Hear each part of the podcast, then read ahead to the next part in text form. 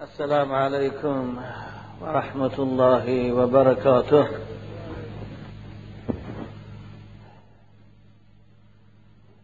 همای عزیز اولا همه شما را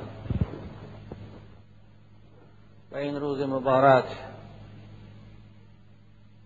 به این روز بندگی بهترین روزهای هفته خیر مختم می‌گویم. پروردگار خدمهای شما را حسنات نویسد و بدنهای شما را به درد و به رنج گرداند. به خاطر آنکه در این هوای سرد و بارانی رطوبت نگاه برای نماز جمعه و برای شنیدن مسائل دینیتان به این مدرسه محمدی قدم پنج فرموده. هر مراد و مقصود داشته باشد خداوند به مقصودتان رساند. پروردگار تو خود میدانی این بندگان تو از آمدن این درگاه تو فقط خوشنودی تو رو طلب دارند. فقط دانستن احکام دینی تو را طلبگار هستند. دیگر مقصد دنیوی ندارند. خدایا اینها را از پاداش ثواب نماز جمعه با نصیب گردان. پروردگار نماز جمعه را برای هر کدام ما و اینها روز قیامت سبب درآمدن جنت گردان آمین. چگونه که در جمعه گذشته وعده کرده بودم یک صحبت مفصل درباره حیض و نفاس و استحاضه با شما می‌کنم. زیرا مکتوب هایی که شما در جمعه های گذشته به طریق سوال به من روان کرده بوده در باب حیض نفاس اونها هر کدامش بحثی طولانی داشتند. بنابر من در آنجا جواب ندادم و وعده کردم که انشاءالله جمعه آینده یک ساعت بره در باب حیض و احکام حیض و سبب پیدایش حیض برای زنهای بنی آدم صحبت کنم. الحمدلله که این ساعت برای من میسر شد و الان روپروی شما چهره های زیبا عاشقان مدرسه محمدی هستم. و خیلی خوشنودم که در اینجا فقط میبینم جوانای زیبا هستند. جوانای هستند که اینها افتخار اسلام و افتخار قرآن با شما این درس خدا این صحبت خدا انشاءالله آغاز می‌کنم. اگرچه علم حیض از مرکبترین علم هاست مسئله های نازک و پیچ در پیچ زیادی دارد. که حتی مجتهدا صاحبان کتاب ها در دشواری کشیدگی هستند. و برای منی کم علم آسان نیست که با شما پیچیدگی های او را بیان کنم. لیکن به هر حال آن چیزی که می‌دانم از قرآن و حدیث و از فقه خواندگی خود. آن مسئله است که هر روزه برای زندگی من و شما در کار است با شما بیان کنم. با توفیق پروردگار. و هدایتی او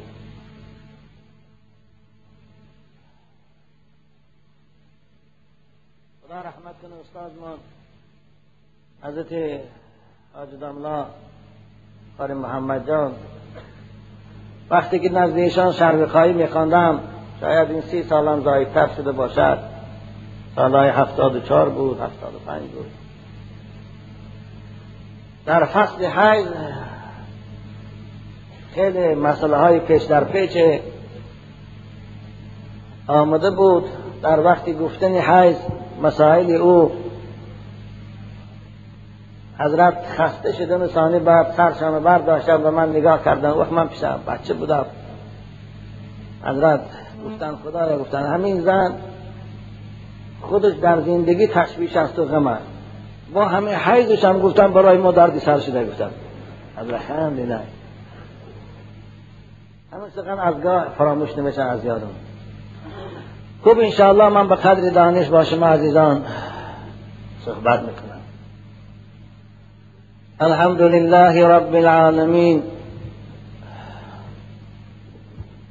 والصلاة والسلام على أشرف الأنبياء والمرسلين وعلى آله وأصحابه أجمعين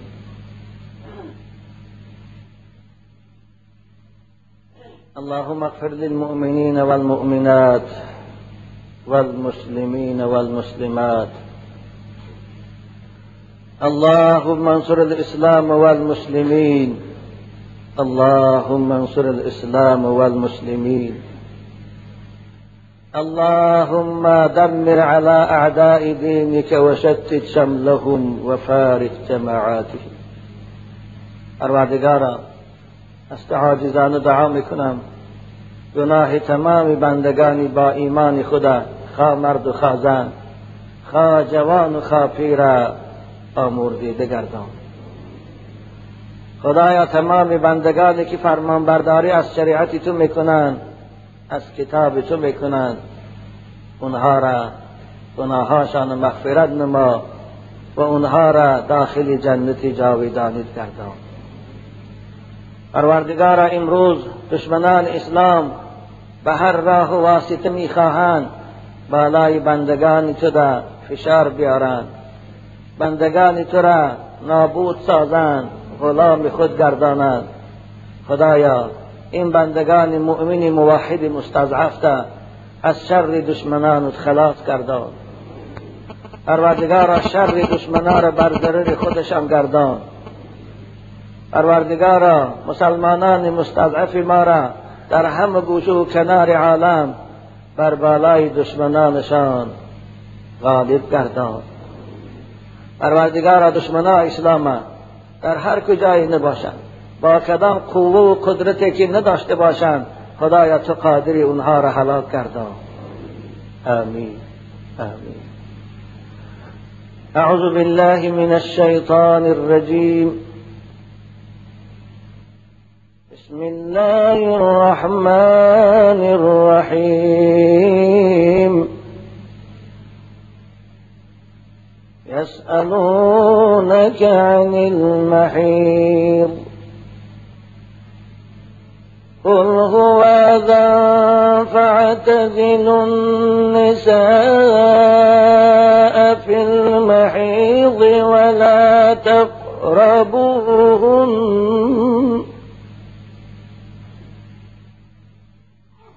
ولا تقربوهن حتى يطهر. فإذا تطهرن فأتوهن من حيث أمركم الله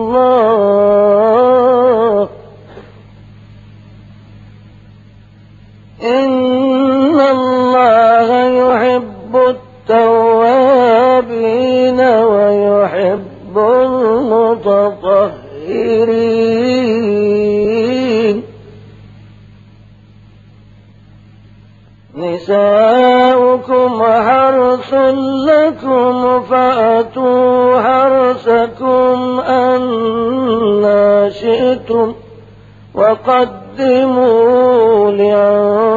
لأنفسكم واتقوا الله واعلموا أنكم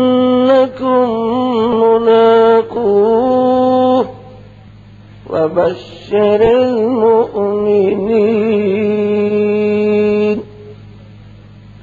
صدق الله العظيم. عزیزان من این آیه مبارکه از سوره بقره هست. و شاید شماره آیات خدا خود داناتر است. دو بیست دو باشد یا دو بیست سیوم آیت سوره بقره. پروردگار در این آیات اگرچه یک آیه است اگرچه با لفظ کوتاه است و با کلمات مختصر اما تمام نازوکی های علم حیزه برای بندگانش گشاده داد. این آیت در مدینه منوره نازل شد. سبب آمدن این آیه از پیشگاه پروردگار برای پیغمبر بزرگوار و برای ما و شما. این بود که وقتی که اصحاب پیغمبر هجرت کرده به مدینه آمدند. و اهل مدینه که در همسایگی یهودی ها استقامت می‌کردند و زندگانی در بعض عرف و عنعنه ها به اونها تقلید می‌کردند. و از اونها پیروی می‌کردند چگونه در همخوابگی با همسرا و چگونه در معامله کردن با زنهای خود در حالت حیض. عادت یهودی ها علیهم لعائن الله المتتابعات الى یوم القیامه این بود. که وقتی که زن حیض می‌دید در حالت عذر زنانه با زن در لب یک دسترخوان نمی نشستند. و در یک خانه همراهی او خواب نمی کردند. و در لب در یک طبق همراهی او غذا نمی خوردند. بنابر اهل انصار هم مانند اونها همین کار می‌کرد وقتی که از رسول اکرم این پرسان شدند که آیا همین کار درست است؟ آیا ما در حالت عذر زنانه با عروسامان خانمامان در یک خانه خواب نکنیم؟ در لب یک دسترخوان غذا نخوریم؟ از رسول اکرم که سوال شد خداوند برای جواب این سوال همین آیه مبارکی سوری به قرار فرستاد. چند بارم من پیش گفتم قرآن آیه هاش هر کدامش در جواب یک سوال یا حادثه نازل شدگی است. بنابر در مدت 23 سال کم کم آمد. وقتی که این آیه را پیغمبر خدا برای اصحاب خواندند معنای آیت ترجمهش این است. بسم الله الرحمن الرحیم. یسألونک عن المحیز پیغمبر اهل مدینه از تو سوال می‌کنند درباره عذر زنانه. درباره حیض. محیز مستر میمیز به معنای حیض است. اونها از تو می‌پرسند که حیض چیست و چگونه احکام دارد. قل هو اذن فاعتزل النساء فی المحیض. پیغمبر تو از جانب من که خدای اونها هستم به بندگانم بگو. حیض یعنی عذر زنانه. ناپاکی است. ناخوشی است. ناراحتی است. بدبویی است. و پلیدی است. ازا به معنای ناخوشی ناپاکی افلاسی پلیدی همیشه در بر می‌گیرند بنابر خداوند گفت وقتی که خانم های شما این حالتی که دیدن و این حالتی ناخوش در اونها پیدا شد و بندگان من بگو فاعتزل النساء فی المخیل. در حالت یک عذری زنانه با هم با عروساشان علاقه جنسی نکنند. اینجا اعتزال عزیزان جدا شدن و معنای کرپر جدا کردن نیست و معنای دسترخان جدا کردن نیست. و معنای کاسر جدا کردن نیست و معنای خانه جدا کردن نیست و معنای علاقه جنسی نکردن است. یعنی خدا گفت بندگان من گو در این حالت با خانمهای خود علاقه جنسی نکنند. اما در یک زیر کرپه خواب روند. در لبی دسترخان با یکدیگر غذا خورند.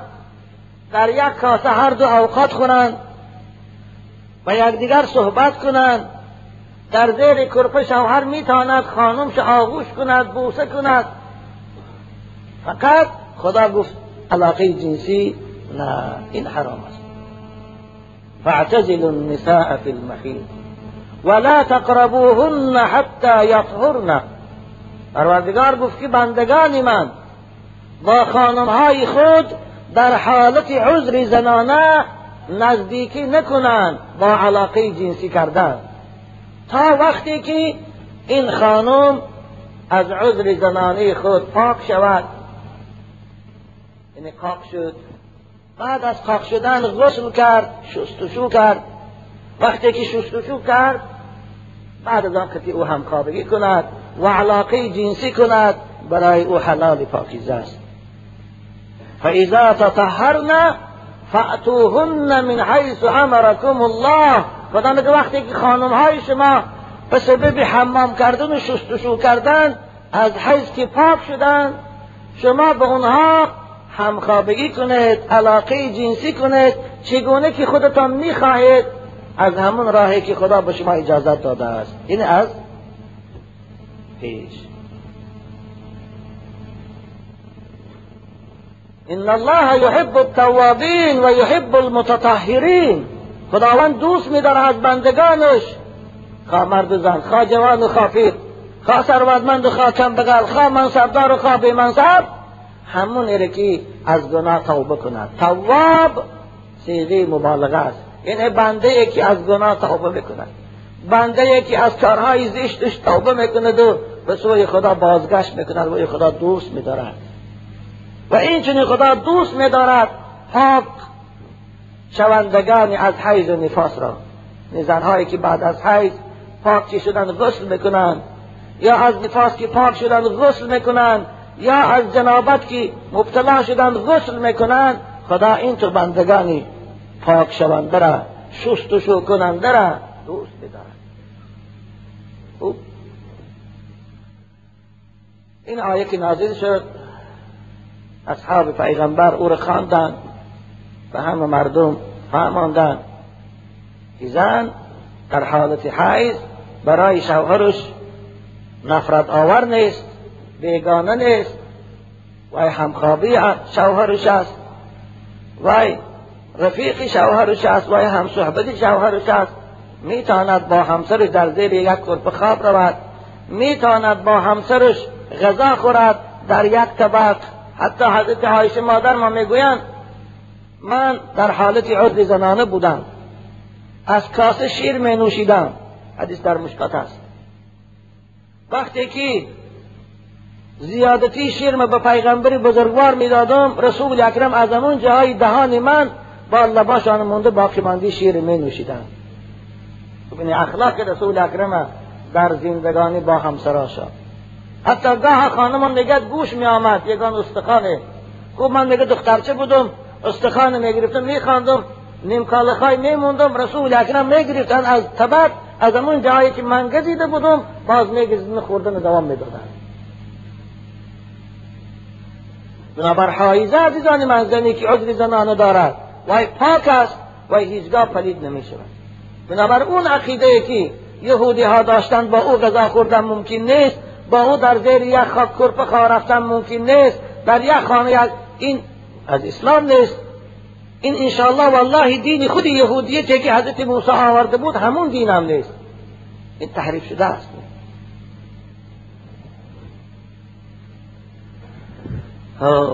خوب که این آیه مبارکه بود درباره حیض.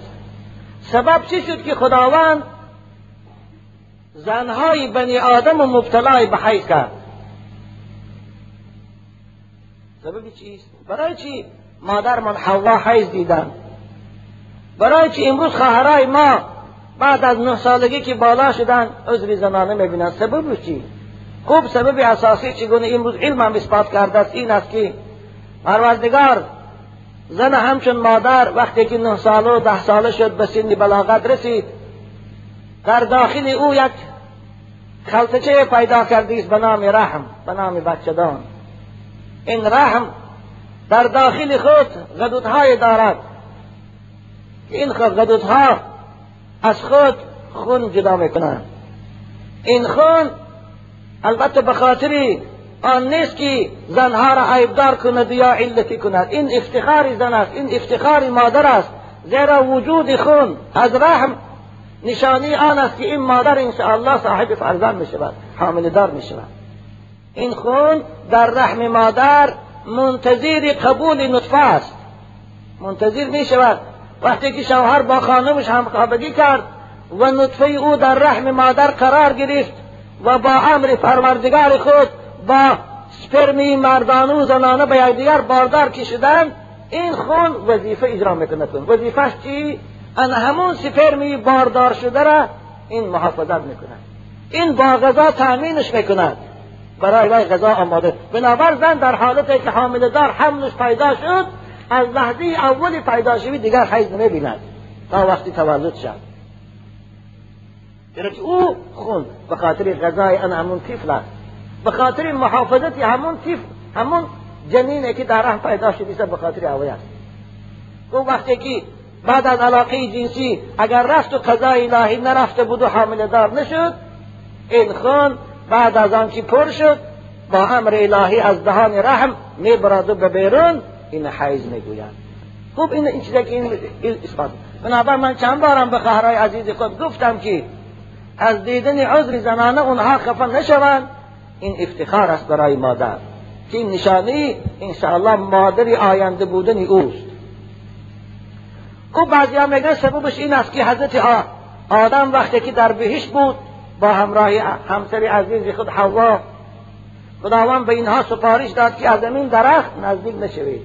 دیگر هرچی در بهشت از تناول کنید فارم و گوارا باشد فقط به این نزدیک نشوید.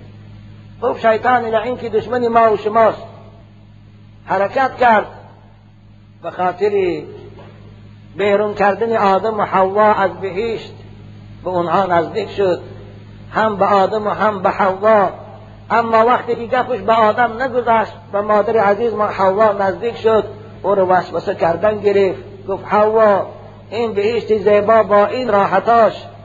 اگر شما از همین درختی که خدا من کرده است تناول نکنید روز جدا می‌شوید با مرگ از این راحت جدا می‌شوید بنابراین من به شما خیرخواه و نصیحتگر هستم. می‌خوای که همیشه در این راحت باشه از همون درختی که من کردین شما را از اوی تناول کنید خوب حضرت حوا مادر منظم بود. آدم برداره کرد آدم زاره کرد آدم فهمان شوهرشانه آخر حضرت آدم در دامی همسر عزیزش افتید و از همون درخت منهی استفاده بردن تناول کردند و مجرد تناول کردن نافرمانی خدا شد. و حضرت آدم و حوا از لباسهای جنت جدا شدن و خوب به دنیا آمدن. از این سبب بار حضرت آدم در باب فضیلت رسول اکرم اقرار شده گفت که من بابای محمد هستم. شیطان من فریب کرده تا نیست. شیطان من من فریب کرد وسوسه کرد. اما محمد که فرزندی من شیطانش وسوسه کردن نیست. بلکه شیطانش به او ایمان آورد. و شیطانی که مسلطی به رسول اکرم است و اسلام آوردگی است. دویم گفت محمد بچی من آنقدر فضیلت دارد که همسری من حوا سببی مرتکب گناه شدن من شد. اما همسرای محمد سبب سعادت او شدند. او وقتی که حضرت حوا به دنیا آمد عزیزان من. بعد از گذشتن چند وقت عذر زنانه دید. بار اول که عذر زنانه دید. ترسید حیران شد. این چی باشد؟ از پروردگار به گوشش الهام آمد که حوا چگونه که او درختی بهشت تو خون آلود کردی با کندن خود میوه او من تو را و فرزند دختران تو را تا قیامت به این درد خون روی مبتلا می‌کنم.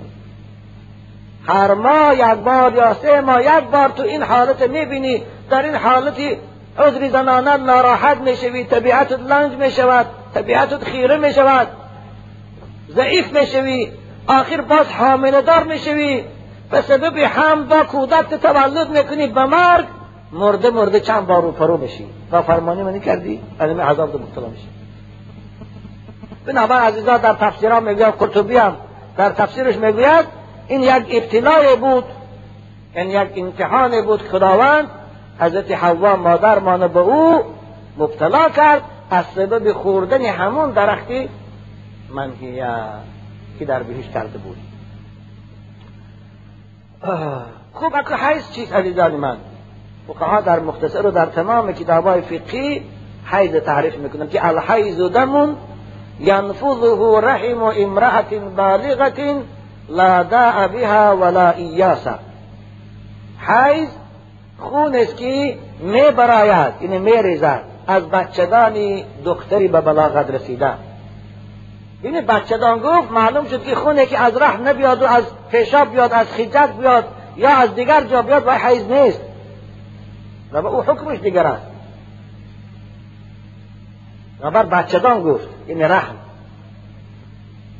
باز دویم شرطش همین است که این دخترچه این همون خانمه که این خونه می‌بیند. بالغه باشد. این از نه ساله بالا باشد. اگر از نه ساله پایان پنج ساله شش ساله دخترچه خون بیند؟ وای حیض نیست. اگر چی از رحمشان بیاد. نبر باید بالغه باشد. با سیوم شرطش همین است که همین خونی آمدگی از عقیب فرزند نبیاد. اگر از عقیب تولد فرزند بیاد باید حیض نیست. و در اصطلاح فقهان نفاس می‌گویند. او حکمش دیگر است عالی. چهارم شرطش همین است که همین رحمی همین خانم یگان بیماری مبتلا نباشد. اگر رفت رحم با یگان بیماری مبتلا باشد از وای خون بیاد اینم حیض نیست. پنجم شرطش همین است که ولا ایاسه همین خانم به سنی ناامیدی از ولد نرسیده باشد. این معنی که به سنی پنجاه و پنج نرفته باشد. از پنجاه و پنج بالا زنها اگر خونم که بینن و حیض نیست. لیکن این سنی ناامید. این اصطلاح فقاد سنی ایاس می‌گویند. تاجیکای ما چی می‌گویند؟ بحرش بحری سبزش تمام شد می‌گویند. یا که می‌گویند از گودک کنی مون پیر شد. این عرب ها ایاس میگن. بنابر زنی که از پنجاه و پنج بالا اگر مبادا خون بیند وای حیض نیست. مگر وقتی که خونی سرخی بلند باشد. و در مدت حیض بیاد. بنابر برای خون حیض بودن پنج شرط است. هر کدام ما باش ما دانیم. بچه های عزیز پدرای عزیز روی زناتان و دختراتان گوید امروز اکثر دختری تاجیک نه رعایی حیض دارد نه رعایی نفاس دارد. اکثر جوانای تاجیک نه رعایی حیض دارند نه نفاس دارند. نمی‌دانند درباری و علم ندارند تصورات ندارند. بنابر برای این خونه که از چندگاهی خانم میبیاد و یه حیض حساب کنن پنج شرط بکار است. یکم شرطش از رحم بیاد از بچهدان بیاد.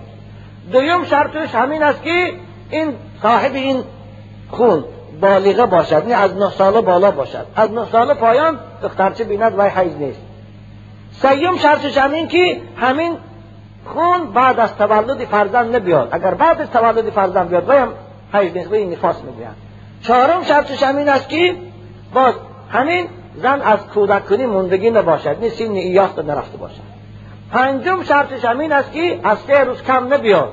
اگر از سه روز کم خون بیاد هم حیض نیست. زمان یک زن یک روز خون دید و ثانیه قاق شد دویم و سهیم و چهارم پنجم دیگه هیچی ندید. این حیض نیست. و این استحاضه می‌گویند بنابر همون روز که وای نماز نخواند و روزش خورد از پگاه غسل می‌کنه و قضایی اما نمازش می‌خواند اما روز را قضایی روزش هم می‌گیرد. این استحاضه میگن چرا که در مذهب ما کمترین مدت حیض عزیزان سه روز است. از سه روز کم بیاد و قاب شود دیگر اون طرف نبیاد وای حیض نیست. ولی اینا رو هر یک مسلمان داند. خوب اکن حیض کمترین مدتش چند قدر است و اکثرش چند قدر است. نه فقها میگن که اقله ثلاثت ایام و اکثره عشرتون آن چیزی که گفتید من مذهب خودمان است. عزیزان من بنابر برادرایی که حدیث خانن اونها چگونه حضرت امام مالکی و امام احمد یک روز هم اقل حیشان است اونها مذهب خودشان از خودشان است. ما آن چیزی که به شما میگم مذهب حضرت امام اعظم رحمت الله علیه است. اونا را من می‌دانم. با خیال نکنن که داملاز حدیث های بخاری به خبر مونده. حدیث هاشون حقشون خب حضرت امام اعظم رحمت الله علیه هم حدیث هاشون بسیار است. سند از حدیث هم دارند از قول صحابه ها هم دارن از تابعین هم دارن. آره اگر که حدیث های ما محدث ها ضعیف میگن لیکن از سبب کسرت طرق حدیث های مذهب ما در باب مهلت حیض این به حد حسن رسیدگی است. ابن همام هم در فتح القدیرش مثل علی قاری هم بنابر با حدیث حسن می شود حکم شرعی ثابت شد. که خوب مسئله فقهی اینجا بحثی باشه با فایده ندارد. بنابر همین عزیزان من کمتری مدتی های سه روز است. و اکثرش ده روز است. بنابر خواهر تا ده روز اگر خون بیند همش حیز است. در همین ده روز همش حیز است. بنابر نماز نمی‌خواند روزه نمی‌گیرد. با شوهرش همخوابگی علاقه جنسی نمی‌کند. به شرطی که لیکن اولش از سه روز زاید باشد. لیکن باز گفتم یک روز دید و یا دو روز دید و قاق شد دیگر نامد. این حیز نیست این استحاضه است. بنابر قضایی همون دو روزه نماز میدارد رسول اکرم صلی الله علیه و سلم حدیث علی ابن اسقع است که دار قطنی و بیحقی روایت می‌کنند پیغمبر خدا گفتند اقل الحیض ثلاثه ایام و اکثره عشرتون و ما زاد فهو استحاضتون رواه دار قطنی کمتری مدتی حیض سه روز است و اکثرش ده روز است از ده روز که زاید آمد او استحاضت البته در هدایه است و در علی قاری شرح مفهمش این حدیث ها هستند فقه اسلامی دو الفقه الحنفیه فی صوبه الجدید و بحر رایق و هدایت نه هست. عزیزان من حکم حیض چیست؟ حیض حکم چیست؟ این این ضرور است برای ما. حکم حیض امین است که یمنع الصلاة و الصوم. حیض وقتی که زن حیض می‌بیند دخترچی از نه ساله بالا که عذر زنانه می‌بیند باید باید چی کارها را نکند؟ در مسلمان است. پیغمبر خدا گفتند قرآن می‌گوید وقتی که زن عذر زنانه دید باید نماز نخواند. در که نماز در حالت حیض به او واجب نیست. وقتی که نماز واجب نیست خواندنشان برای او حرام است. اگر خواندن و حساب نمی شود گناهگار می شود پس آن که پاک هم که شد قضایی ندارد. در که اصل نماز در او واجب نیست. نماز وقتی واجب می شود که این طاهر باشد زن. بنابراین نماز خواندن نمی‌تواند یک روزه گرفته نمی‌تواند دو. در ماه مبارک رمضان اگر خواهرای ما عذر زنانه بینند خواست حریم ببینند خواه نصف روز خواه بعدی پیشین و روزه روزشان فاسد می شود باید روزشان خورند پسان که از حیث پاک شدن و قضایش میدارن. حالا چگونه که من می‌دانم از مکتوبای خواهرای عزیز کاندگیم بسیاری دختری تاجیک در حالت عذر زنانشان در رمضان روزه می‌گرفتن. عذر زنانه در با روزه دار بسیارش اقرار, اقرار کردن که بابایش ما نمی‌دانسته بعدش گفتن که ما ایزا می‌کشیم روزه ما نخوریم. خانم میگن که روزش خور بنابرای پدرای عزیز همسراتان و مادرها را گویتان که دختراشان فهمانند وقتی که زن حیض می‌بیند او را شریعت اجازت است روزش خورد اگر مبادا روزه گیرد در حالت عذر زنوی گناهدار می شود و خوش در عذاب دوزخ رو فرو می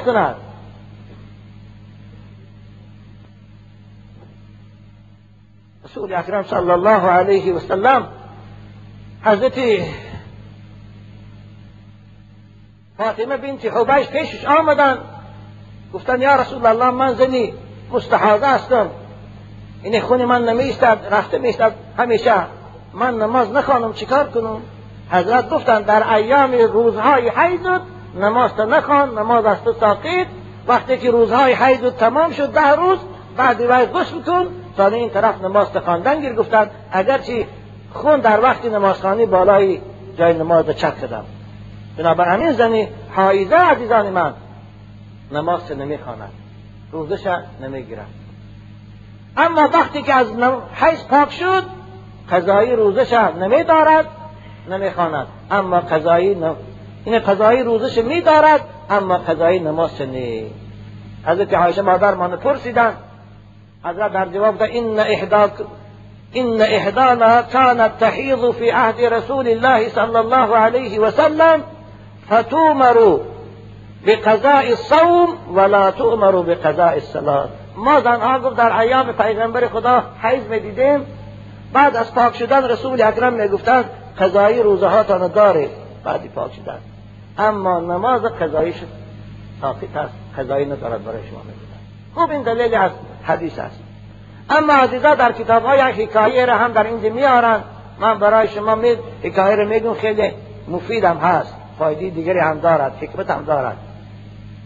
صاحب نفر مفتی مولانا عبدالحی از حرف القدیر نقل می‌کند.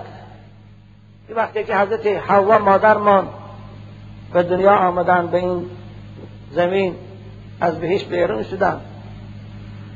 حضرت بار اول حیز دیدن. شوهر عزیز خود حضرت آدم پرسیدن که گفتن شوهر عزیز من این حالت مبتلا شدم از من. حضر زنانه آمد ایستاده است. من چطور کنم؟ نمازام خانم یا نه حضرت آدم گفتن نه این من نو میشنم گفتن اکن تو صبر کن. از پروردگار چی؟ برای ما حکم شود همونو می‌کنیم. حضرت جبرائیل همین چند لحظه پس آمد. به حضرت آدم سلام کرد و بعد از سلام گفت که آدم همسر خود حوار گو که در ایام عذر زنانش نماز نخواند. نماز از او ساقط خوب حضرت حوا مادر ما نمازاش هم بعد از ده روز پاک شدن خواه هشت روز خواه ده روز. چگونه این عادتی زن هاست. پاک شدن بعد از پاک شدن شوهرشان با پرسیدن که شوهر عزیز من اکنون پاک شدم. همون نمازهای هشت روزه نخواندگی قضایشان خانم یا نه حضرت آدم گفتن والا من اینو نمی‌دانم. گفتم خوب باش پروردگار چی حکم بکند؟ منتظر شوه باز حضرت جبرئیل همین آمدن. به حضرت آدم سلام پروردگار آوردن و گفتن آدم و همسر عزیز خود حوا بگو که نمازاش قضایش نخواند. او از گردن صفی خوب در این چند وقت گذشت رمضان مبارک آمد. رمضان در حضرت آدم و حوا فرض بود امتهای پیشین دم فرض بود. در ماه رمضان بار اول حضرت حوا مادر من باز حیز دیدن یعنی عذر زنانش هم دیدن. شوهرشان پرسیدن شوهری عزیز این رمضان من روزدار بودم این عذر زنانه دیدم چی تو کنم؟ روزه مخورم یا روزه گرفتن گیرم مثل کارهای روزی ما باری. حضرت آدم این مرتبه انتظاری وحی خدا نشدن. خودشان قیاس به نماز کرده یعنی مانندی به نماز کرده جواب دادن منتظر فرمان خدا نشدن گفتن حوا. روزه تکر گفتن. در حالت حی روزه گرفتن. جایز نیست کر گفتن روزه. حوا. خوب روزش خورد. وقتی که از حیث پاک شدن باقی مانده رمضان روزش داشتن. ثانی شوهرشان پرسیدن که آدم گفتن شوهر عزیز اگه من شش روزی رمضان خوردم بعد از رمضان قضای او رو دارم یا نه؟ حضرت آدم باز انتظار فرمان خدا نشد نخوشن جواب گفتن. قیاس به همون نماز کردن گفتن چی گونه نماز؟ قضایی نداره؟ روزم قضایی نداره بزن دیگه قضایی قضایی نداره. بزن همین پیشگویی حضرت آدم به خدا خوش نآمد. پروردگار حضرت جبرائیل فرستاد. آدم عتاب کرد. گفت چه فرمان من منتظر نشده خودت حکم کردی؟ اکنون بر قصد حکم تو کردگی؟ حوا قضای روزش مرده مرده میدارد پروردگار حضرت آدم عتاب کرد. مولانا های همه حکایه رو در نفع می بیار دوستانی برمیگرد از این حکایه چند نتیجه و چند خلاصه گرفتن ممکن است. یکم خلاصه همین است که فایده همین است که باید همسر این خانم هیچ اسرار خود از شوهرش پنهان نکند. باید زن همه سیر که دارد خواه در بدنش است. خواه در زندگیش است. باید به شوهرش گوید. زنی مسلمان از شوهر سیر پنهان نکند حالا بعضی زنها رو امروز می‌بینیم کوشش می‌کنن. حتی حیزن بینن به شوهرشان قائل نمیشن. از خانی شوهرش به کسی چیز می‌کرد قائل نمی‌شود. نمیگه که این مال شوهرم از من حق ندارم دادن ده. خانه ایگان کس بیاد اگر شوهرش نفهمد مرد قائل نمی‌شود. که خانه ما فلانی آمده بود. هم تو هست؟ آزمت هم خیلی از دردتان گره بفرستم لبا حضرت میگه که باید از این حکایه زنهای مسلمان عبرت گیرند. چگونه مادرشان حوا حتی جزئی ترین چیز از شوهرش می‌پرسید باید زن مسلمان از شوهرش پرسند. هیچ چیزی پنهان نکنند دویم خلاصه از این حکایه این است که باید مفتی فتوا دهنده در فتوا دادن شتابکاری نکند. در فتوا شتابکاری نکند من حضرت آدم در مسئله اول این صبر کردن منتظر فرمان خدا شدن. فتواشون همش تغری برآمد در این ساننگی صورتی روزه که خودشان شتابکاری کردن منتظر فرمان خدا نشدن تو بیده خطا کردن. هم تا هست. بنابر عزیزان میگن که باید شخصی فتوا دهنده.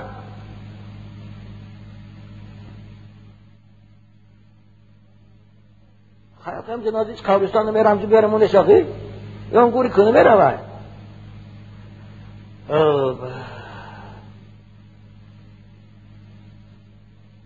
باید شخصی فتوا دهنده در مسئله که از او سوال می شود زود جواب نگوید باید امو سوال اول خوب گوش کند.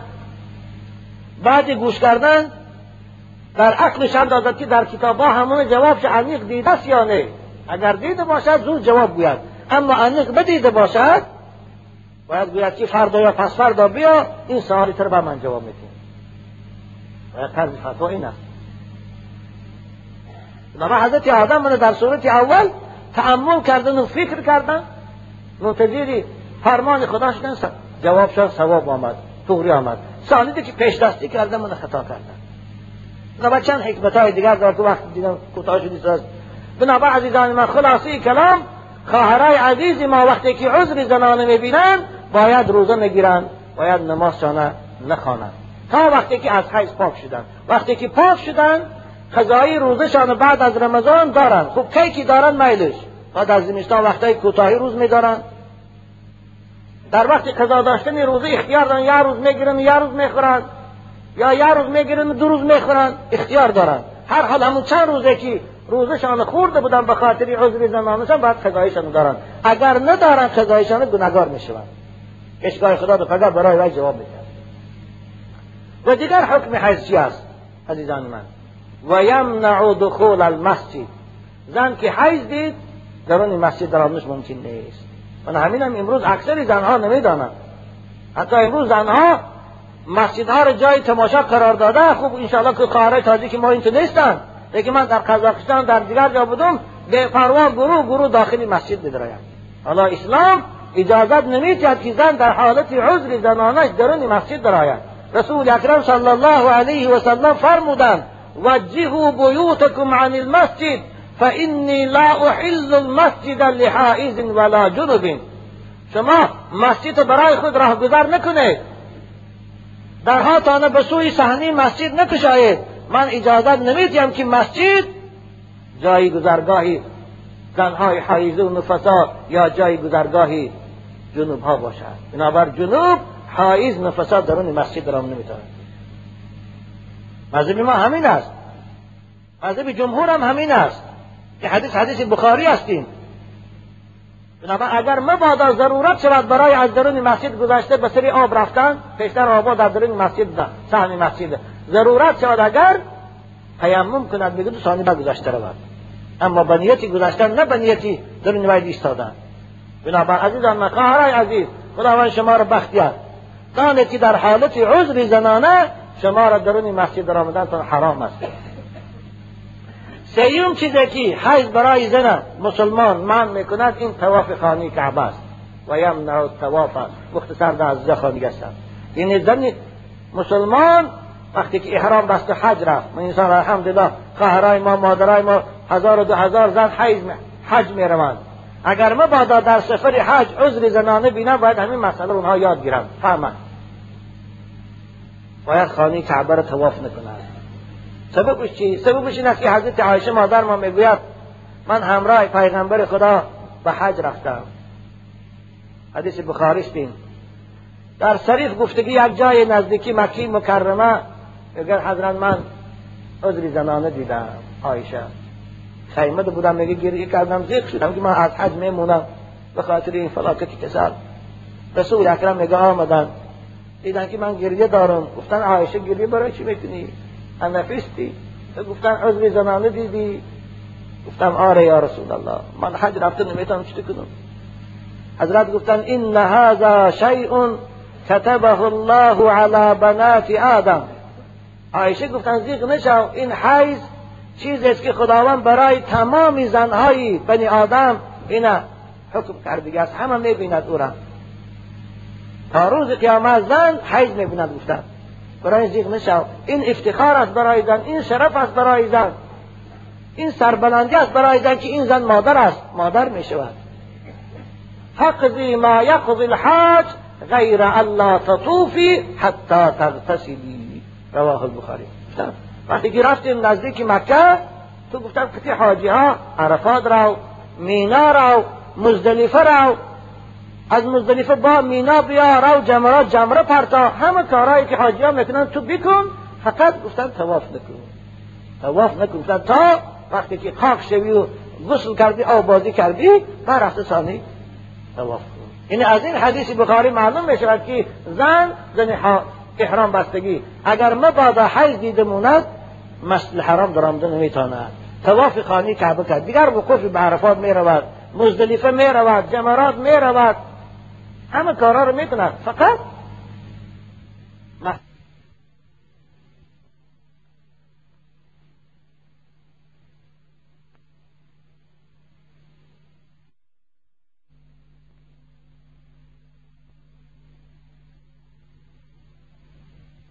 خب که امروزا معلوم است خواهرای ما میرن مادرای ما میرن.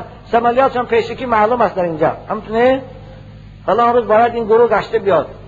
اکنون نزدیکی تواف زیاره روز عید است میاد یا روز پیش از عید که خواهری ما عذری زنانه دید. اکنون بعد از دو روز پس سمالیاتش میگردد اکید این اگر منتظری پاک شدن شود پنج روز شش روز لااقل کمش در کار است یا هفت روز در کار است. سمالیات نمیستد میبیاد رفیقاش میبیان. چیکار کنه آیا در همه حالت عذر زنانه تواف کند ممکن است یا نه؟ عزیزان من اسلام دین حرج نیست. بنابر امروز ابن تیمیه ابن قیم هم و بعض فقهای دیگر هم از فقهای متقدمین می‌گویند همین زن غسل کند یعنی شستشو کند. یگان لطه های محکم کتی خوش خوب محکم کند حارت کند رود تواف کند و بعد از تواف کردن تواف فرضی به جا می بیاد خانه خانهش بیاد و به یک دم کند. اگرچه مردم ما در حالت حیض زنه که تواف کند و در اشترت میازده قربانی کردن لازم بشود لیکن امروز فقها همون اگر امکانیتی همین قربانی کردن یعنی گاو و گوسفند داشته باشدم این گوسفند یعنی چی در که قربانی کند می شود یعنی صدقه کند می شود گوسفندم چیزم که باشد اگر دورش به گاو و اشتر مرسد گونه لیکن مذهب ماده باید اشتر یا گاو قربانی کند به خاطر دم جنایت لیکن بعد از تواف کردن ثانی پیش از آن که سمالیات بیاد کاک شود از اثر رفته اگر تواف کند دم ساقط می شود باز. دیگه شرط نیست قربانی کرده میشه و این چنین دیگر حکمی که عزیزان من خواهرای عزیز حیز دارد این است. بعد یمنع استمتاع ما تحت الایزار حیز من می‌کند برای شوهرش علاقه جنسی کردن را. زن در حالت حیز با شوهرش علاقه جنسی کرده نمی‌تواند یعنی خواب می‌رود در زیر یک کورپا آغوش می‌کنن یا دیگر بوسه می‌کنن پشتای یا دیگرشان میمالند فقط علاقه جنسی حرام است. که خداوند در قرآن این صراحتا من کرده است. از رسول اکرم حضرت معاذ پرسیدند که یا رسول الله ما یحل لی من امرأتی و هی حائز همسر من عذر زنانه می‌بیند. برای من کدام کارش حلال است؟ چه کارش کنم که حلال است و کدامش ممکن نیست؟ حضرت گفتن اسنع معها کل شیء الا النکاح. گفتن معاذ او همسری تو همه کار برای تو حلال است. بوسس کن کچاقش کن پشتکاش مال آغوشش کن فقط علاقه جنسی نکن گفتن. دیگر همه کار حلال است. بنابراین فقهای ما هم و استمتاع ما تحت الایزا از ناس تازانو همین بین نزدیک شدنش من می‌کنن باقی مانده دیگر همه کارش حلال است. حضرت مسروق بسیار به حضرت عایشه مادرمان مهربان بود. این کسان تابعین هستند؟ شاگرد حضرت عبدالله ابن عمر هستند. حضرت عایشه مادرمان بسیار دوست می داشتند حضرت عایشه من کسی احترام می‌کردند. بسیار وقت پیش حضرت عایشه می رفتن از مسئله های خیلی نازک می پرسیدن مسروق میگن نزد مادر عزیزم رفتم. حضرت عایشه مادر ما کسی پرده این کس از این طرف. گفتم یا ام المؤمنین مادر عزیز عایشه صدیقه ما یحل لی من امرأة و هی حائز آزن من حیز می‌بیند. من نمی‌دونم که به او چی کار کنم و چی کار نکنم. کدام کارش حلال است کدام کارش حلال نیست. حضرت عایشه مادر من تبسم کردن گفتن بچم گفتن او همسری توست گفتن هر کاری که می‌کنی برای تو حلال است الا الجماع مگر هم خوابگی نکن گفتن این علاقه جنسی نکن دیگر همه کار می‌کنی برای حلال است. از این سبب وقتی حیزه در وقتی نفاس عزیزان من برای شوهر حرام است همخوابگی کردن این علاقه جنسی کردن با خانه بنابر زنی مسلمان باید در حالت عذر زنان است.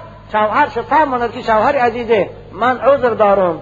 من عذر زنانه دارم بنابر. همه کار خواهی من خدمت می‌کنم اما علاقه جنسی رو من به تو اجازت نمیدیم از همین سبب کدام برادر به من سوال داده بود که زن من در حالت عذر زنانش باز از من طلب می‌کنه که بیا خطی من همخوابگی کن علاقه جنسی کن. من کنم یا نه؟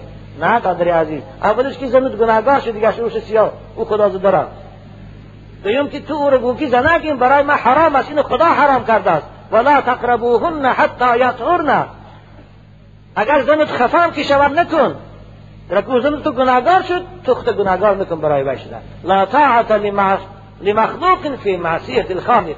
باید زن نافرمانی خدا رو نکند. این نافرمانی اینجا؟ اگر همینجا شوهرم به خاطر خرسندی زنش کند و هم گناهگار میشه. بنابر رسول اکرم پرسیدن که مرد زنش در حالت عذر زنانه همخوابگی کند چی باید کند؟ حضرت فلیتصدق بدینارین او بنصف دینارین. و یک طلا صدقه کند امروز همین مردکار کار اصلا یک طلا ندارن. طلا رو فقط در تلویزیون می‌بینن پیشت کردنش در بنابر عزیزان من نکنید. خوب اگر ما بعدا نافهمیده کردیم که خوب میشه این نافهمیده اگر ما بادا شده موند ما باید استغفار کنیم. این از خداوند پشیمانی کنیم توبه کنیم. خدایا من نفهمیدم این کار حرام ده مرتکب شدم. خدایا من هزاران توبه کردم گناه من گذر گفتم استغفار کنه خدا گناهش میگذره. به ماده استغفار هستین عزیزان من. خوب وقتی که از حیث که پاک شد من غسل که کرد بعد از غسل کردن حلال است با شوهرش همخوابگی کند و دیگر حکمی که زن حایز و نفسا در عزیزان من این است که قرآن به دست تقیده نمیتانند قرآن گرفته نمیتانند تفسیر گرفته نمیتانند خوب چهار کتاب و فرد عین و کتاب های فقه میتانند گیره نخوانند اما قرآن که کتاب خداست زن حایز زنی که در نفاس است مردی که در حالت جنابت است به دست تقیده نمیتانند و این که خوانده هم نمیتانند. لا تقرأ الحائز القرآن. رسول اکرم در روایت ابن ماجه است لا تقرأ الحائض شیئا من القرآن. زن حائض قرآن خوانده نمی‌تواند زن نفسا قرآن خوانده نمی‌تواند مرد جنوب قرآن خوانده نمی‌تواند اما اگر بعضی آیت های قرآن به خاطر دعا به خاطر سنا گوید میلش مثلا من خواهر عزیز ما در حالت عذر زنانه بسم الله الرحمن الرحیم. برای اوقات کنید. که ندارد. اگر چی نماز قرآن است. این بسم الله اونجا به نیت قرائت نمی‌گوید به نیت تبارک شدن غذا می‌گوید. یا اشکم سیر کرد الحمدلله رب العالمین میگد اگر چی نماز قرآن است. لیکن این باقی ندارد. یا بعد دعاها رو می‌داند ربنا آتنا فی الدنیا حسنه و فی الاخرة حسنه و قنا عذاب النار. به قصد دعا میگد این باقی ندارد. اما به قصد قرائت قرآن خواندن برای زن حایز عزیزان ما. برای نفسا جایز نیست. خوب امروز حسیمین خدا مغفرت شان کنه دیگران. به خاطر آنکه امروز خواهرای عزیز ما بسیار قاری قرآن هستند. اگر اونها هر ماه ده روزی قرآن نخوانند فراموش می‌کنن به خاطر همین امروز علمای اسلام خدا رحمتشان کنه همین آسانتر کرده قرائت قرآن برای حافظه های کل قرآن در حالت عذر زنانه اجازت دادیان. تکرار شد یه فراموش نکند گفتم خوب اینم یک آسانی برای ما و شما این عزیزان را رحمت کند. و قرآن هم به دست گرفته نمیتانند برای اینا را همسراتان خواهد. بر بچه های عزیز خواهرای عزیز ماش دانن که در وقت عذر زنانه باید کتاب مقدس کلام خدا را نگیرند. زیرا که رسول اکرم وقتی که حضرت عمرو ابن حزم به سوی یمن روان کردن در مکتوبی به او نوشته از احکام های اسلام بیان کرده بودن. یکی احکاماش همین بود که لا یمس القرآن الا طاهرون امر گفتن به مردم بگو که قرآن فقط کسی گرفته می‌تواند که پای بطارت باشد. بنابر جنوب هم پای قرآن گرفته نمیدن محدث هم آدم طهارت شکست قرآن به دست شکفیده نمی‌تواند. زنی که در حالت نفاس هست بعد از کودک تولد کردن و هم قرآن گرفته نمی‌تواند. زنی که در عضو زنانه حیض است. و هم قرآن گرفته نمی‌تواند. کافر هم قرآن گرفته نمی‌تواند. کافر نجس است. حضرت عمر رضی الله تعالی عنه وقتی که آمدن نزد خواهرشان زینب بعد از آن که زیاد نشان زدن و خواهرشان شپاتی زدن بینیش خون شد و دلش بس سیاه شد. دلش خداوند اسلام محبت چه پیدا کرد خواست که اسلام بیارد. به زینب خواهرش گفت که خواهر عزیز من بخش من بسیار بیرحمی کردم همون صحیفه که الان تو میخواندی من از بیرون صداش شنیدی ساده بودم. از قرآن محمد که من بینم چی هست. اما ببینه زینب ایمان شد. او زن بود اما در استواری در ایمان خود هزارها صدها هزارها بالاتر از من از علمای امروزه بود. ما علماها اگر یک کافر قرآن ته بیند دو دست میبراره میتیم. اگر ایمان منصب دارتر باشه با. اما این زن ایمان شبین استادگری شبین. در مقابلی جلاد زمان جاهلیت که از عمر جلاتر و جباتر و برهنتر انسان نبود. گفتی نه اتامت قرآن به تو نمیگم لا تمس القرآن الا و انت طاهرون اتا میری او بازی می‌کنی شستشو می‌کنی میبیایی و من کتاب به تو میدیم من دست تو نجسی گفتادی. ببینه ایمانه ایمان بود که کو در پیش رای شرمنده بود. اما ما باشیم. اگه مهمانی اگر منصبداری روس فرانسوز و امریکایی اگر ادارمان بیاد قرآن می‌برم به دست میتیم که تقدیمش می‌کنیم. نمی‌دونم چاره داری یا بنابر باید بچه های عزیز کدامت که تارت نداره کوشش کنه قرآن به دست نگیره. تو بعض امروز بعضی ملا بچه ها به آدابی کردن گفا رو میگن ضرر ندارد گفته به تاشم یک ملایایی نامقله می‌کنم اما گفای و خطا هست. دلیلاشون هم خطا هست خداشون هم خطا هستن گفاشون هم خدا گفای رو نگیره بچه عزیز. خوب دیگر احکام حیضی که آخرین از بیان می‌کنن اقرب ساعت بالا یک آمد. این است. من به همه شما و خواهرای عزیز می‌گویم که بعد از حیض غسل کردن این فرض است. باید زن مسلمان وقتی که عذر زمانش به پایان رسید خواه در شش روزگی است خواه در هشت روزگی است بعد از خاک شدن باید غسل کند این غسل فرض است. فرضی. غسل پنج فرض است یکی از اونها بعد از خاک شدن از حیض نفاس است. بنابر زن مسلمان وقتی که از عذر زنانش تمام شد بعدی و یک ساعت نیم ساعت منتظر شود که دیگر نامد. هشت روزگی ده یا ده روزگی ده باید در حال شستشو کند. در وقت شستی غسل حیض نیست یعنی غسل جنابت است. همه بدنش می‌شوید صابون. شد می‌کند خوب کشادن موی شرط نیست. اگر مویش کاکلدار باشد شرط نیست. اکثر فقهای شرط نگفتند بین سرش آب میریزد اما موهاش میجفد همین هم می‌شود. لیکن کشاید باز بهتر است. باز به تشبیه از به این بانو سرش می‌شوید. یعنی غسل بعد از حیض و نفاس این فرض است. بنابر اگر زنی از حیض پاک شود و غسل نکند و که من غسل نمی‌دونم به حمام میرم یا وقت با مبازی می‌کنم کافر می‌شود. بنابر زنهایی که از حیض پاک شود و غسل نکنند شوهرای عزیز اونها رو شما فهمانه که این اوبال از گناهگار میشه اگر قصدن قبول نکنه کافر میشه نکاحش با شوهرش بریده میشه. در ایام حیض در قرآن در پروردگار فاذا تطهر یعنی ولا تقربوهن حتی یطهرن یعنی تا فاذا تطهرن بالماء وقتی که غسل کردن و پاک شدن به شستن آب انا بعد از آن شما در حلال است به اونها نزدیک خوب دیگر چیزی که می‌خوام به خواهر عزیز گویم این است که رنگی خون حیض چند قسم می‌شود. فقها خدا رحمتشان کنه در کتاب ها می‌گویند حیض خون شش رنگ می شوند در مدت حیض در حالت عذر زنان کدام رنگ خونه که نبیاد و حیض است؟ خواه سرخ می بیاد خواه کبود می بیاد خواه خاکستر رنگ می بیاد خواه خاکی رنگ می بیاد همش حیض است. فقط سفید خالص بیاد او حیض نیست. و دینار دانه. بنابر کدام نوع خونه که در مدت حیض می بیاد و زنها دانه که و حیض است. مگر اینکه آب سفید خالص باشد با حیض نیست. می توانند وی که آمد غسل کنند و نمازشان خوانند. با شوهراشان خواب روان رمضان مبارک باشد روزشان می‌گیرند. خب اکنون اقربه که ساعت بالا یکم گذشت. صحبت حال ادامه داشتن لازم بود و چیکار کنم که بیرون با باران است جنازه بود است. خب انشاءالله اگر مبادا در مسئله حیض یا نفاس یگان اشتباهات یگان سوالات در زندگیتان باشد می توانید شما بعد از نماز عصر به من مراجعت کنه انشاءالله من شما را قبول می‌کنم و در این سوالات خدا خواهد جواب می‌گیرید اکنون محفل خود من در اینجا به پایان میرسانم. صحبت خدا و توفیق پروردگار دعا کنیم پروردگار را اولا. این صحبت ما را برای خود, خود خاطر خوشنودیش به درگاهش قبول کند. و سبب هدایت یافتن خواهرای عزیز مسلمان ما گردد. پروردگار امت اسلام هم مرد و هم زن توفیق ده که احکام دین چه از حیض و نفاس است چه از جنابت است دانند.